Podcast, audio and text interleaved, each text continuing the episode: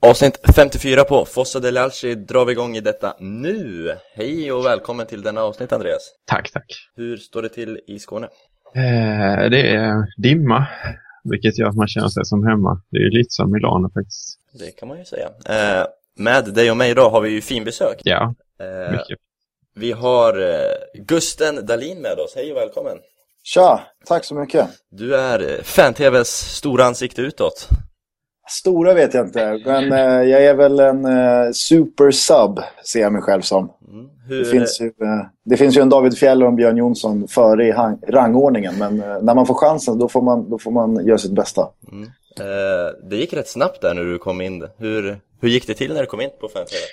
Det gick jävligt snabbt. Eh, jag eh, fick en eh, propos av David att vara med i ett Eurotalk och tre, fyra månader senare och kanske 10-12 besök till i eh, sofforna så eh, valde vi att eh, börja jobba ihop istället. Mm. Eh, så att sen dess har det snurrat på och, nu är man väl och kladdar i, princip varenda program som, som sänds på fan-tv, som har med fotboll att göra i alla fall.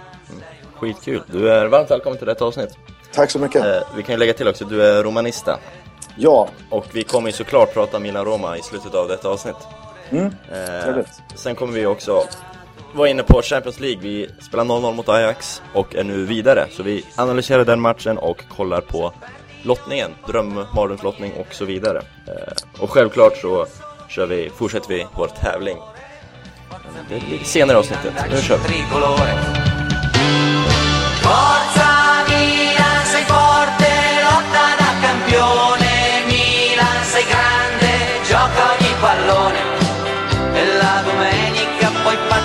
Farti rispettare. Ci siamo noi allo stadio per gridare. Milan, sei forte, lotta da campione. Milan, sei grande, gioca ogni pallone e domenica puoi farti rispettare. Ci siamo noi allo stadio per gridare.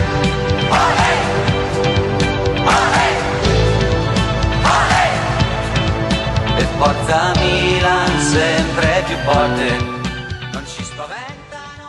Som sagt, 0-0 på San Siro, Andreas. Hur nöjd och glad är du över det mållösa resultatet?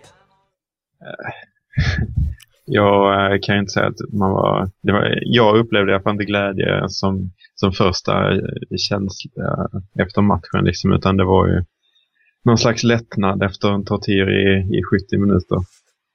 Um, i och för sig, om man kollar tillbaks eh, på de här liksom eh, just 70 minuterna som Ajax spelar med en man mer så, um, så skapar de väldigt, väldigt lite. Um, men det var ju ändå ångest. Och ångestdefinition är ju faktiskt obefogad rädsla eh, kan man ju säga. Så. Ja, du, var ju, du, var ju, du var ju säker inför matchen. I förra, förra avsnittet var du väldigt kaxig. Jo, eh, den där um, utvisningen på Montelivo förändrade något eh, matchbilden kan man ju säga. Gusten, eh, Montolivos röda kort. Var det såklart, vad tycker du? Eh, jag tycker faktiskt att det är det. Eh, och då väger jag inte bara in tacklingen i sig utan eh, jag tycker att eh, han, han gör eh, en idiotisk satsning i en situation som är he- helt ofarlig. Montolivo är på egen planhalva och ska spela hem den till målvakt. Att, eh, att då ens ge domaren chansen att visa ett rött kort, eh, det, det, det liksom gör en del för mig också. Sen så kan man väl tycka att eh, tacklingen i sig har man sett fulare som har renderat i, i gula kort. Eh, så det, det är inte den värsta smällen man har sett. Men i, i läget i matchen i, med, med så mycket på spel så det är huvudlöst. Och att agera huvudlöst eh, brukar ibland rendera i röda kort. Så att jag, kan inte, jag, jag tycker inte det var ett fel, felaktigt rött kort. Andreas, ska en lagkapten agera så på i 20 minuten?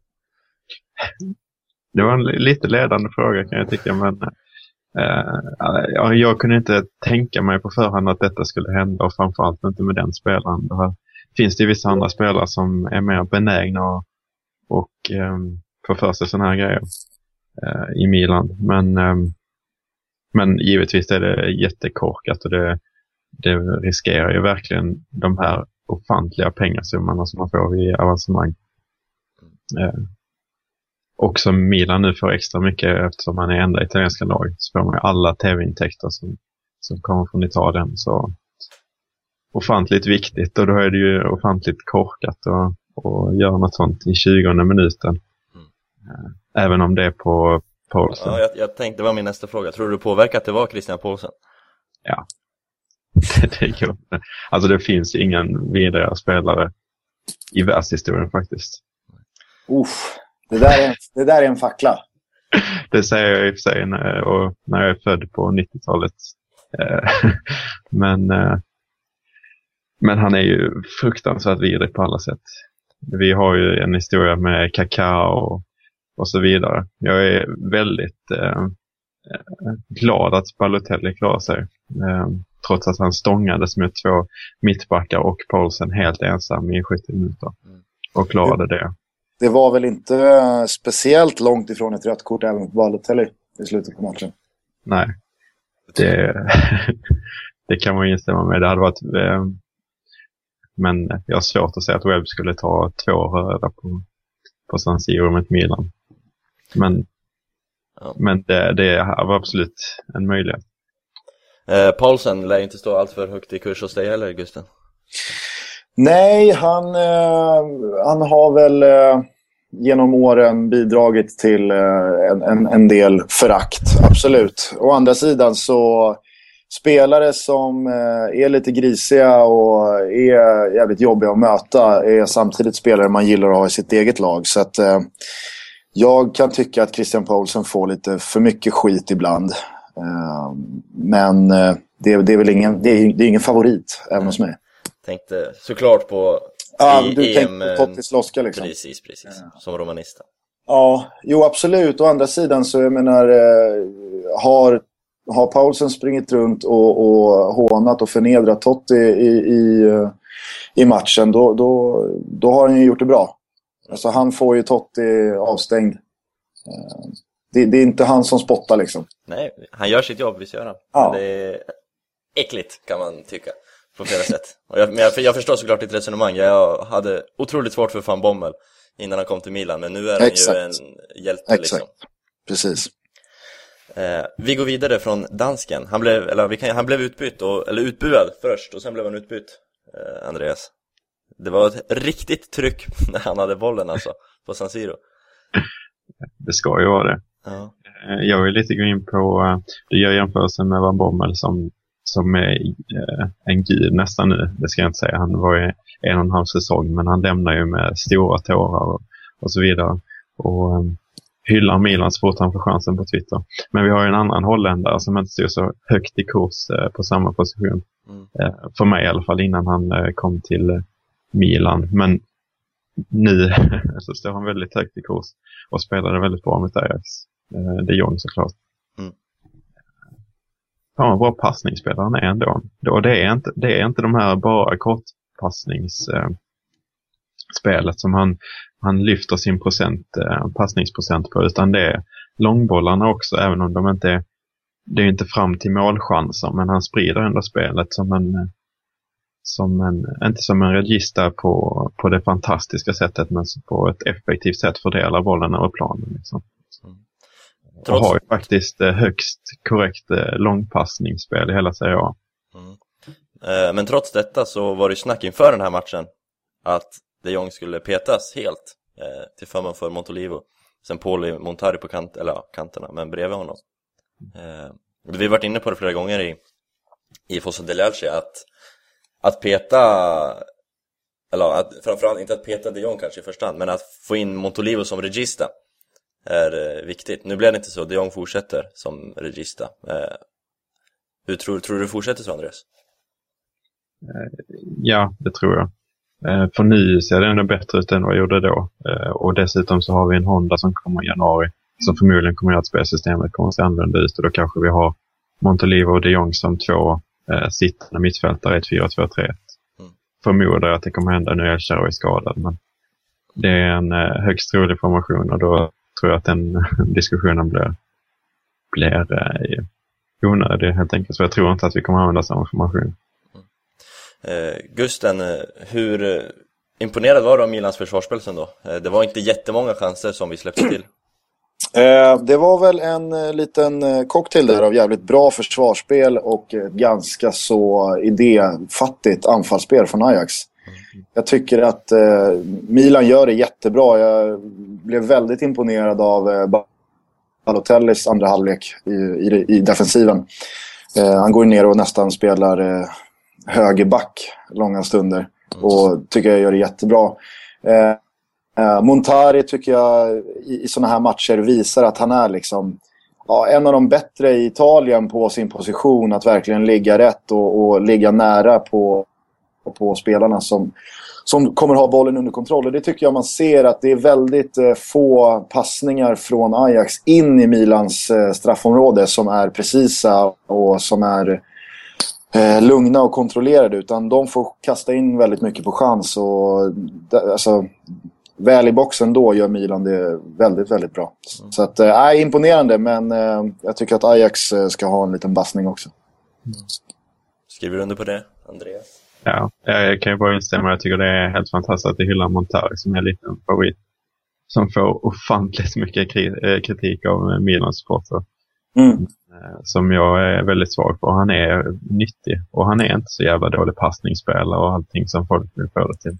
Jag tror att Montaris eh, problem i, liksom sitt eh, rykte det är ju att han då och då gör de här liksom väldigt viktiga och snygga målen. Att folk får bilden av honom att han ska vara en väldigt duktig offensiv fotbollsspelare. Och då när man sätter sig med de premisserna och tittar på honom så kanske man lätt blir besviken och så tycker man att nej men han är inte så jävla bra. Men alltså, det han gör offensivt det tycker jag nästan Milan ska se som en bonus. Det, det, det är i det defensiva mittfältsspelet Sulej Montari tycker jag är stundtals riktigt, riktigt bra. Mm. Ja, men han är också väldigt bra på att avväga när han ska gå framåt också tycker jag. Eh, inte minst mot den här typen av motstånd. Nu var det inte så aktuellt eftersom det var en man mindre. Men mot Barcelona till exempel. Nu gjorde han ju mål eh, i eh, 2-0-vinsten mot Barcelona. Men eh, överlag så är han väldigt bra mot Barcelona. Eh, till exempel den typen av motstånd. Och han vet nu är det läge att sticka upp. Nu är det läge att flera spelare fyller på i, i offensiven. Mm. Och, och ser liksom var det behövs fyllas på och var det behövs täppas till. Så nej, jag, jag tycker att han är väldigt underskattad. Med no- no- med 0-0 så är vi ju då vidare i, till slutspel, eh, helt enkelt. Och på måndag lottas det va? Tror jag Ja. det på måndag. Klockan Eh, 12. precis. Eh, då kommer såklart frågan Andreas Persson. Vilket lag vill du möta? Äh, äh, inte de tyska lagen. Äh, gärna, alltså det, det är självklart man måste lägga in basklappen att det är ju en formfråga som man, som man blir lurad av här. United går väldigt dåligt. Eh, men det är, det är ju bara svåra lag vi har på andra sidan lottningen och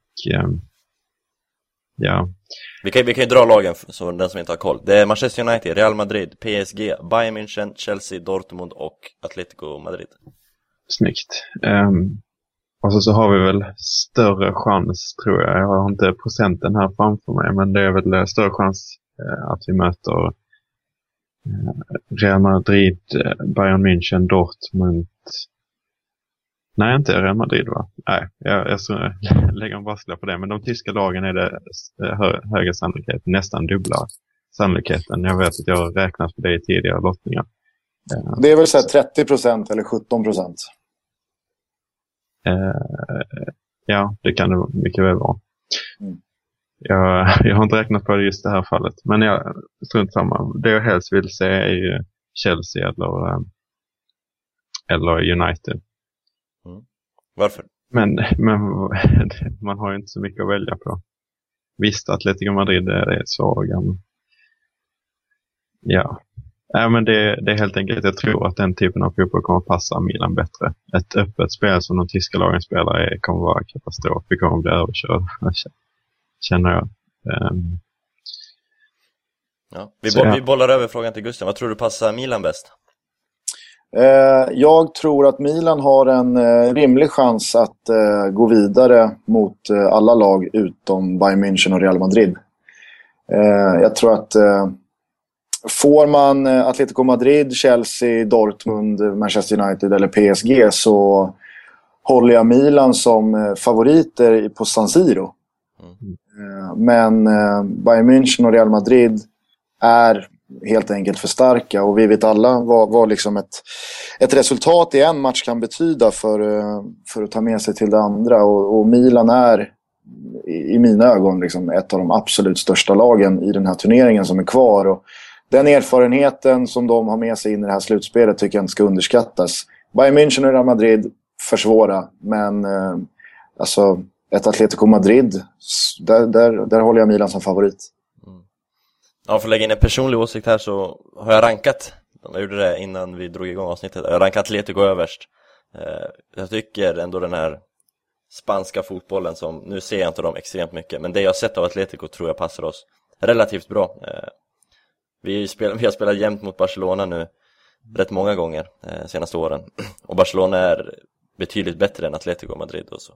Mm. Det var en lite enkel slutsats men ja, Atletico Madrid i Champions League det, ja, jag tror och hoppas att vi får dem så vi kan vinna där.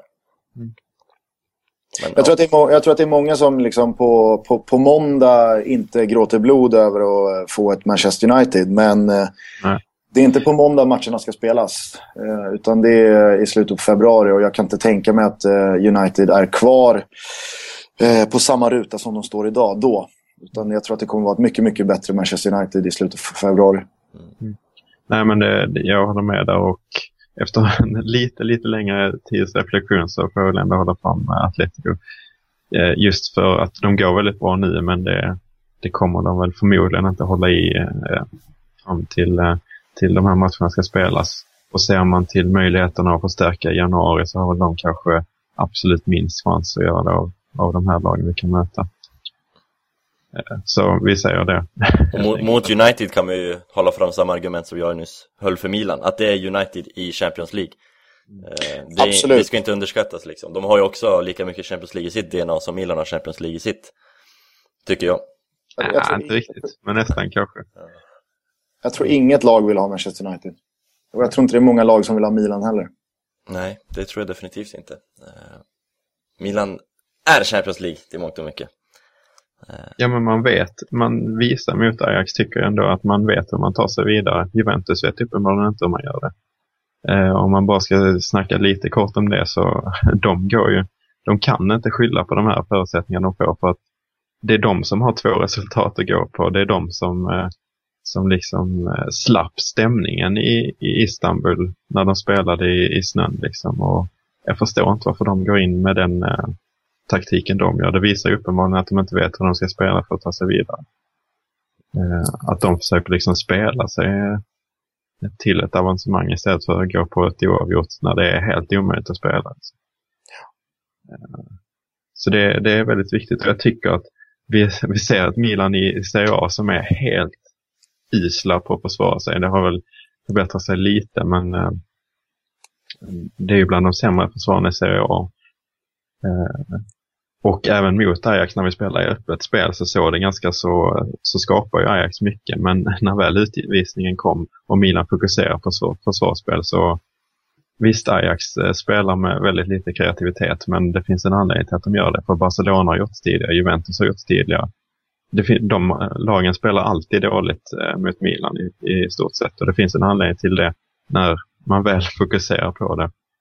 Och det, det är liksom kanske klichéigt, men alltså ita- it- den italienska liksom grunden, den taktiska grunden man har och eh, flexibiliteten också att byta spelsystem när man får utvisningen också.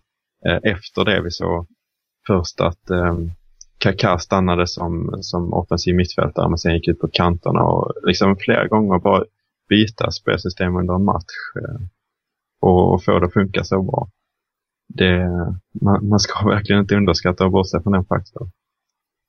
Och man får ju kolla på namnen Milan har om vi nu går tillbaks till Ajax-matchen i backlinjen. Det är Daniele Bonera, det är Kevin Constant. Det är en, en ung De Chilio som var riktigt bra såklart, som vanligt. Som den gud han är. Eh, och Zapata liksom. Det är inga det, det är ingen som är ett namn liksom i fotbollsvärlden riktigt. Milans backlinje har ju eh, sett bättre ut. Den har sett lite bättre ut. Eh, frågan är om den har sett sämre ut på pappret. Eh, inte under min livstid och mitt supporterskap, tror jag i alla fall. Eh, det är ju inga, inga bra namn alls som figurerar.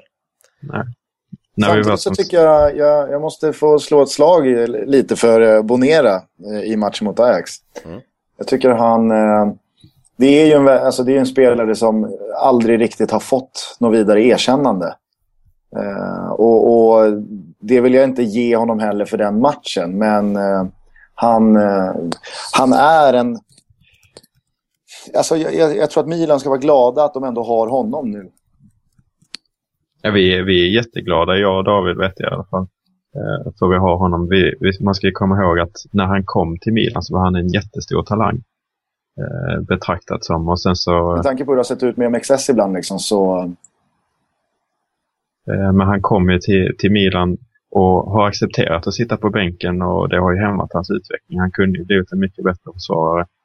Eh, så har han haft mycket skador men han har ändå gått in och spelat när han har varit halvskadad och en helskadad nästan för att eh, backsituationen i Milan har krävt det. Han har ju verkligen ägnat sin karriär till Milan. Så jag vet många supportrar som är väldigt tacksamma för att vi har honom. Men han blev också väldigt ofta kritiserad. Mm. Det är, Det är lite, lite, det är lite som Montari, han får ju riktigt mycket skit eh, ofta, ibland obefogat. Det är ju inte lätt att hoppa in bara och spela mittback i en, två matcher. Eh, och sen bli utkastad igen. Men när han väl har fått kontinuitet i spelet så har det sett riktigt bra ut stundtals tycker jag. Ja, Också och en underskattad spelare tycker jag. vi hyllade honom rejält efter Celtic-matchen, där han var ännu bättre än vad han var mot Ajax. Och, ja. Men Bonera, vi, han är ju som sagt lite ojämn eh, i, när han inte får spela helt enkelt. Milan, Milan corre va, più nessuno ti fermerà. Milan, Milan, mondo intero puoi conquistar. ta till det rejält med Adil Rami Och, förra veckan. Han, eh, han spottade inte i glaset. gjorde han det förra veckan alltså? Eller? Eller Mm. före träffen? Ja, okej. Jag träffade en tjej i förrgår som hade varit i Milano förra veckan och eh, festat stenhårt med Adil Rami två kvällar i rad. Okej, det, Att- det, det är ett scoop. Men, ja. men han, eh, ja. ja, vi får ju se. Ska inte döma honom på förhand nu. Kan han prestera och festa samtidigt så Då gillar man det ju. det gör man ju det. Eh, Ja, Ja, det börjar ändå närma sig att han ska få göra debut. Mm. Ja, ja. Intressant uppgift helt klart. eh, ska vi gå till Roma, Milan-Roma? eh,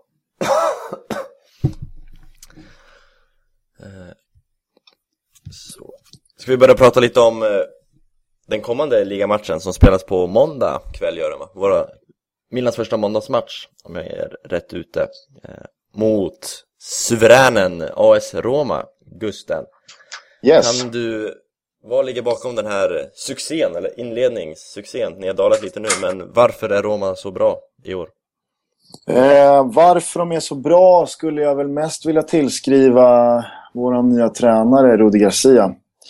Eh, jag tycker att han har fått ihop laget väldigt, väldigt bra. Eh, i, med, med Luis Enrique så såg jag ett Roma som försökte spela en fotboll som de inte vare sig bemästrade eller var trygga i. Eller ibland såg det ut som att de inte ville spela den.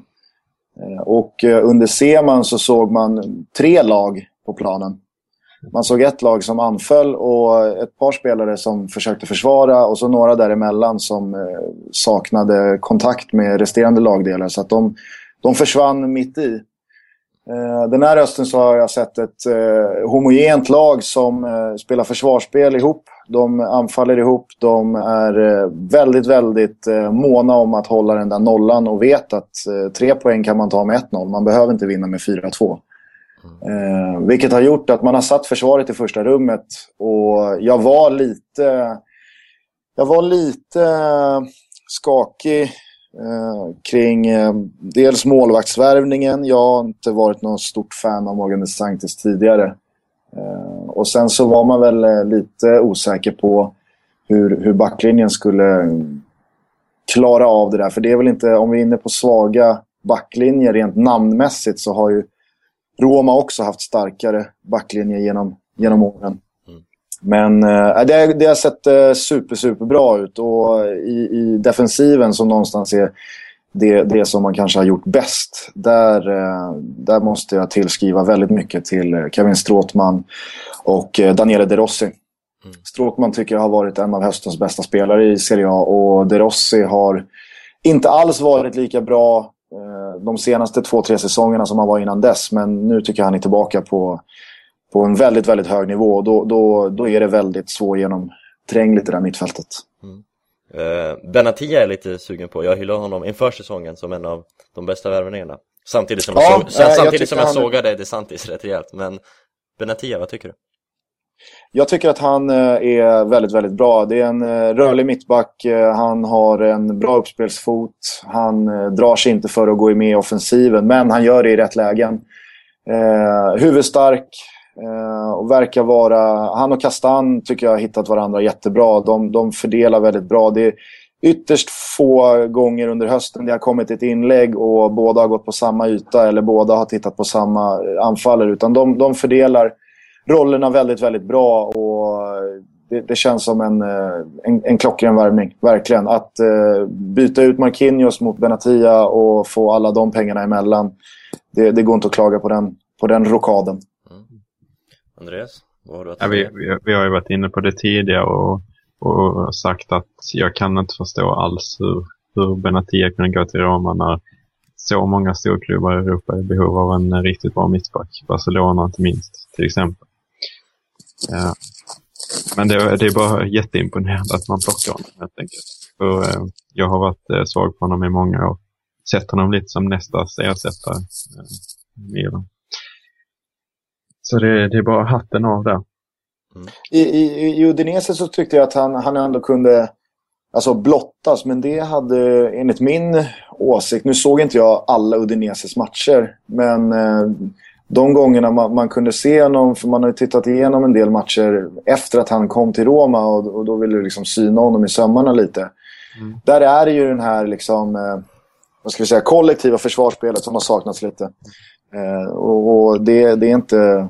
Hur bra man än tycker en mittback är så blir man för utsatt och blir man för reducerat i, i manskap då, då är det väldigt svårt. I Roma så har han den där uppbackningen runt omkring sig. Både från sittande fältet framför sig, en mittback bredvid sig och ytterbackar som jag tycker har eh, överraskat positivt. Då, då, då ser han riktigt, riktigt bra ut. Mm. Pjanic out. Pjanic out.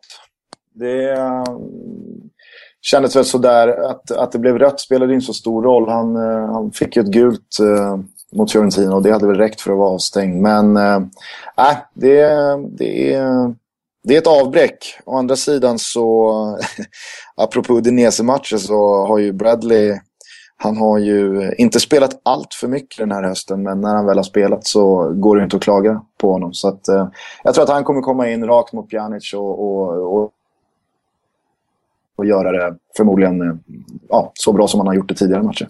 Mm. Uh, Francesco Totti är tillbaks från en seg skada. Mm. Hur viktigt blir det på San Siro? Jag tror att det blir jätteviktigt. Eh, det mesta tyder väl på nu att han eh, spelar från start. Och eh, det tror jag, om inte spelmässigt så dessutom betyder väldigt mycket för det mentala spelet. Francesco Totti har levererat eh, stormatch på stormatch på den där arenan förr, både mot Milan och mot Inter. Och han vet, han vet att eh, Roma kan åka därifrån med tre poäng och, och, när man har sin lagkapten på planen som, som sprider den känslan för att Roma, att Roma är ett lag som kan mäta sig med Milan spelmässigt, det, det tror jag alla är överens om den här hösten. Eh, men det är någonting annat eh, att komma till till ett San Siro på, på en, eh, en måndagkväll och ha alla de här eh, supporterna emot sig och helt plötsligt så blir Milan en väldigt stor klubb och eh, då ligger de inte nia i tabellen liksom, utan då är det Milan borta och att ha, då, att ha med sig Totti och att ha, inte ha med sig Totti det tror jag gör jättestor skillnad. Mm. Andreas, hur mycket räds du tridenten de har där framme? Florenzi, Totti och Gervinho? Eh, jo, men det är klart man gör det, speciellt om eh, Abbat inte är tillgänglig som ändå har eh, snabbheten att matcha. Eh, även om det Chilio Emanuelsson är snabba spelare också. Så Eh, men visst, Totti har man ju sett prestera en del mot Milan eh, genom åren. Det jag är lite nyfiken på är, um, är det här med att han spelar som falsk nia. Liksom. Det, det påminner lite om eh, Spallettis eh, Roma för några år sedan och jag tänkte på det när, när Milan, eh, eller Roma mötte Fiorentina i senaste omgången. Eh, och jag tyckte ändå att, eh, att Montella som var, var med i det här Spallettis Roma var rätt så bra på att neutralisera det. Sen så låg han ju lite för djupt i, eh, ändå. Men jag tänker på den här matchen eh, mot United på, eh, på Old Trafford när eh, Roma blev krossade med 7-1 om du eh, ursäktar det minnet. Mm. Men, Ja, det... eh, men där tycker jag ändå att det visar väldigt tydligt. United låg eh, väldigt lågt på hemmaplan och, och kontrade och vann med 7-1 eh, som sagt. Och då saknade liksom Totti som falsk nia. Det fick liksom ingen riktig effekt för han liksom, när han rörde sig så, så behövde inte spelarna följa med honom på samma sätt och det öppnade inte upp för att andra skulle springa in bakom och sådär. Och lite så tyckte jag att det var med Fiorentina. Eh, sen att man låg lite för djupt och fick för mycket press eh, mot sig. Men det här är ju det spelet som, som Milan spelar mot Ajax och det är det spelet som Milan spelar allra bäst när man får ligga djupt och kontra egentligen. Så det gör att jag är lite positiv eh, inför den här matchen faktiskt. Vad som har varit eh, dubbelt frustrerande med, med, med Tottis frånvaro det är ju att eh, Florenzi hämmas ju otroligt mycket av att Totti inte är på plan. För det är just de här ytorna bakom Totti när han droppar ner. Det, det är de ytorna som Florenzi har kunnat utnyttja. Och det är Tottis passningsspel in i djupet på de där ytorna på en Florenzi i full fart som har gjort honom bra. Och när inte Totti är på banan då, då försvinner de här spetsegenskaperna hos Florenzi väldigt mycket. Och det, det, har, det har liksom blivit dubbel effekt på, på, på Tottis skadefrånvaro. Så du sticker ut hakan och ser att Borgello och Destro inte har samma spelsinne som Totti här alltså? Ja, hakan sticks ut. Ja, eh, men Destro, eh, kort, han, är, han hade väl ännu längre skada än Totti och gjorde avgörande målet nu senast. Mm. Kul Ja, för, Dest- kul för tjockisen. Ja, precis. Eh, nej, men eh, jag gillar Destro. Eh, jag tycker att han har, eh, han har... Det känns som att folk eh, bara har tittat på, på siffrorna när det gäller honom och eh, inte har tittat på att han faktiskt har varit skadad och inkapabel till att konkurrera om en plats. Siffrorna på vågen då, menar du? Vad sa du? Siffrorna på vågen då? Nej, vi ska, kan ju sluta med dem.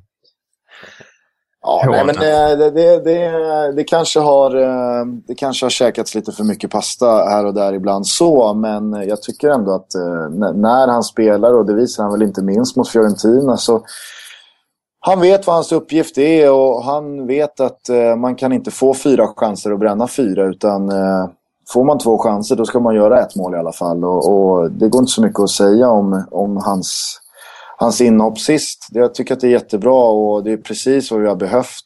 Senaste matcherna och månaden så har det ju, det har ju varit en helt eh, sjuk fördelning på skadorna rent, rent positionsmässigt.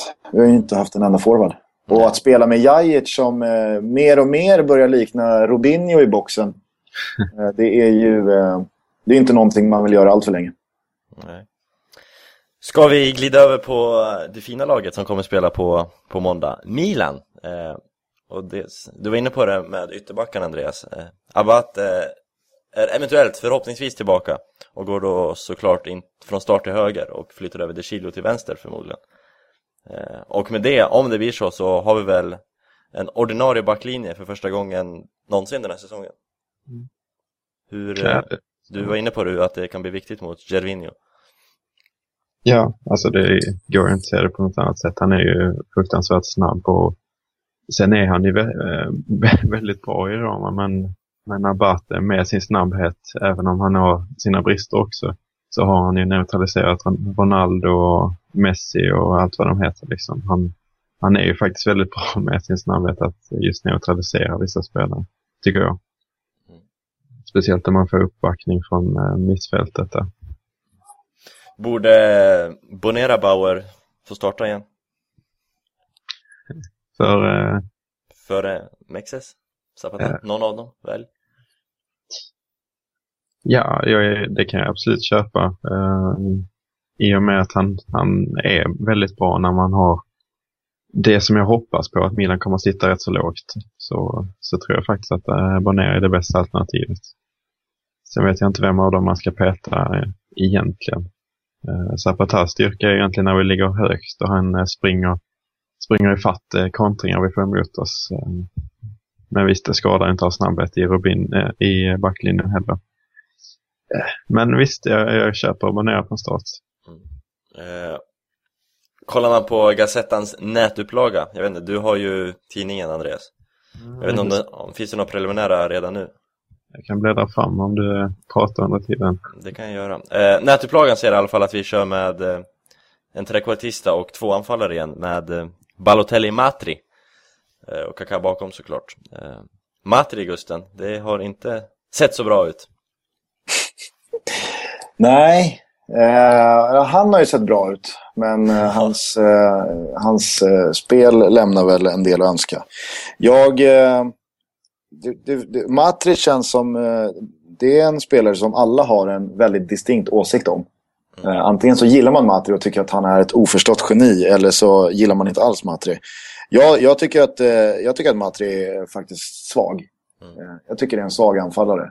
Han, han, har inte, han har inte den här spetsegenskapen som gör att resten kan vara sådär. Men han klarar sig ändå på en snabbhet eller ett, liksom ett riktigt bra målsinne eller bra rörelse i box. Han har liksom ingenting utan han är sådär på det mesta. Eh, det, det, det, är en, det är hårda ord men jag tycker faktiskt inte att han är speciellt bra. Nej. Får hoppas att, för vår skull, att han inte startar då. Eh, För jag, Jag startar han nu så gör han väl två mål. Liksom, så att, eh, Men jag, jag tror han, Matri mot Benatia-kastan, det är... Nej. Nej, nej. Jag ser hellre... Fast nu blir det ju för sig så jobbigt eftersom eh, Super Walter Birsa och El Sharawi är skadade. Så det... Och Robinho också för den delen. Så det blir ju den här julgransformationen vi har använt försvinner ju. För vi har ju inga som kan vara bredvid Kaká liksom. Eh, Så vi måste väl förmodligen starta med två anfallare. Om inte Saponara går in där. Eller något dylikt. Niang har vi såklart också. Men nej. Om Matri är svaga så vet jag inte riktigt vad Niang är. får jag fråga tror- vad som händer med Niang? Eh, jag tror definitivt han lånas ut i vinter till Genoa. Pratet är ju ett byte där med, med Lodi. Det var ju aktuellt med Kutschka, men han gick ju tyvärr sönder i, blev långtidsskadad. Mm. Eh, har väl lite svårt att se vad Lodi som är en fantastisk spelare skulle få plats i, i Milan. Eh, På det mittfältet. Skulle, Så- skulle ju ändå göra mer nytta i laget än vad Niang gör, skulle jag gissa. Ja, Niang är ju så otroligt jäkla dålig. Eh, just nu. Så är det ju faktiskt. Jag skulle faktiskt kunna tänka mig att Polly eh, tar den trekvartista. Jag tror att han hade kunnat klara av det. Inte alls med samma egenskaper naturligtvis som, eh, som en eh, originell trekvartista. Men när hade vi en trekvartista som hade originella liksom, trekvartista-egenskaper? Sant, sant. Eh, har du hittat? Bläddra fram rätt sida. Ja, eh, de tror också på fyra eller 4-3-1-2 tror de på med Matri, Balotelli, Kaká framåt. Men Ja, det är, eh, det är flera dagar kvar vi spelar in det på fredag. Det Lägger upp det ska man ju tillägga. Det brukar ju förändras. Ja, vi kanske inte ska prata preliminära laguppställningar så, det är väl rätt inaktuellt. kan ju hända skador och allting på träning. Eh, Pazzini, Andreas, Åh, det är så fantastiskt att se honom. togs ut i truppen mot Ajax och väntas väl vara med i truppen ännu en gång nu på måndag. Ja, där, där nej. har vi en spelare som inte är, till skillnad från Matri, dålig på allt kanske. Exakt. Där kan vi snacka om en spelare som är usel på vissa saker men extremt bra på andra saker. Och då, då kommer man ganska långt. Eh, De har ju två liknande egenskaper, Matri och Pazzini. De har ju två styrkor enligt mig och det är ju målgesterna båda två. Det är ju så grymt att de har unika målgester. Jag har varit inne på det flera gånger men jag är så svag för de här unika målgesterna. Eh, som, ja, som riktigt sticker ut. Det är de två Luca Toni som man har svårt att ogilla när de gör mål. Tycker jag. Ja, man får inte se, man får inte se Matris målgest allt för ofta. Nej, eh, dessvärre inte. Och när han gjorde målen mot Milan vet jag inte riktigt om han hann med att göra den, för då var det ju någon reducering där. Det var bråttom, men ja. Men jag kan hålla med om att Pazzinis målgest är världsklass. Ja, ja den är grym. Men Luca Tonis är faktiskt ännu bättre måste man säga som, som eh, även om jag inte är neutral. Den är ju briljant på alla sätt. Eh, men tror du Pazzini, när börjar han få spela tror du Andres? Det kan bli svårt att säga för sig. Ja, det, det är svårt att säga men jag tror faktiskt inte att han är aktuell. Ja, Jag vet inte varför han tas ut i truppen egentligen för jag har svårt att säga att han skulle, skulle få speltid mot Roma faktiskt. Vi får se, vi får se. Men Roma-Milan på måndag 2045. intressant. Eh, vi har ju en, en annan eh, en annan Roma-gäst som eh, har eh, varit här eh, ett antal gånger. Och det är rätt så intressant att följa honom på Twitter för han eh, varje gång eh, Roma spelar en match känns det som så påpekar han vilken domare det är och vad eh, den domaren har gjort mot Roma och att det kommer vara katastrof i nästa match och så vidare. Eh, och den som dömer Milan-Roma är faktiskt Rocky. Eh, om man minns förra mötet eh, var det väl mellan Milan och Roma på San Siro. Det var med, med guldtröjorna på. det var det till och med som eh, blev... Ja, du kan dra storyn. Eh, Ja, det var ju... Rocky avbröt matchen tillfälligt på grund av rasistiska läten från borta sektionen helt enkelt. Eh, Mot Balotelli framförallt. Så var det. Och det som, det som gjorde att det här var så ofantligt roligt tyckte jag var ju att eh, Hockey sen fick eh, Catalino Viola som är ett, eh, ett lila kort som Fiorentina delar ut till de som använder fair play. Eh, och det som är efter den här incidenten då, men det som var roligt var då att det kom i samband med att Rocky hade gett en hel del fördelar och en hel del mot Milan eh, när man slogs eh, om tredjeplatsen där. Och Rocky sedan tidigare kallas ju Rocky di Firenze, alltså Rocky från Florens. Eh, tyckte jag var ofantligt kul att han fick det kortet av Fiorentina. Aningen partiskt.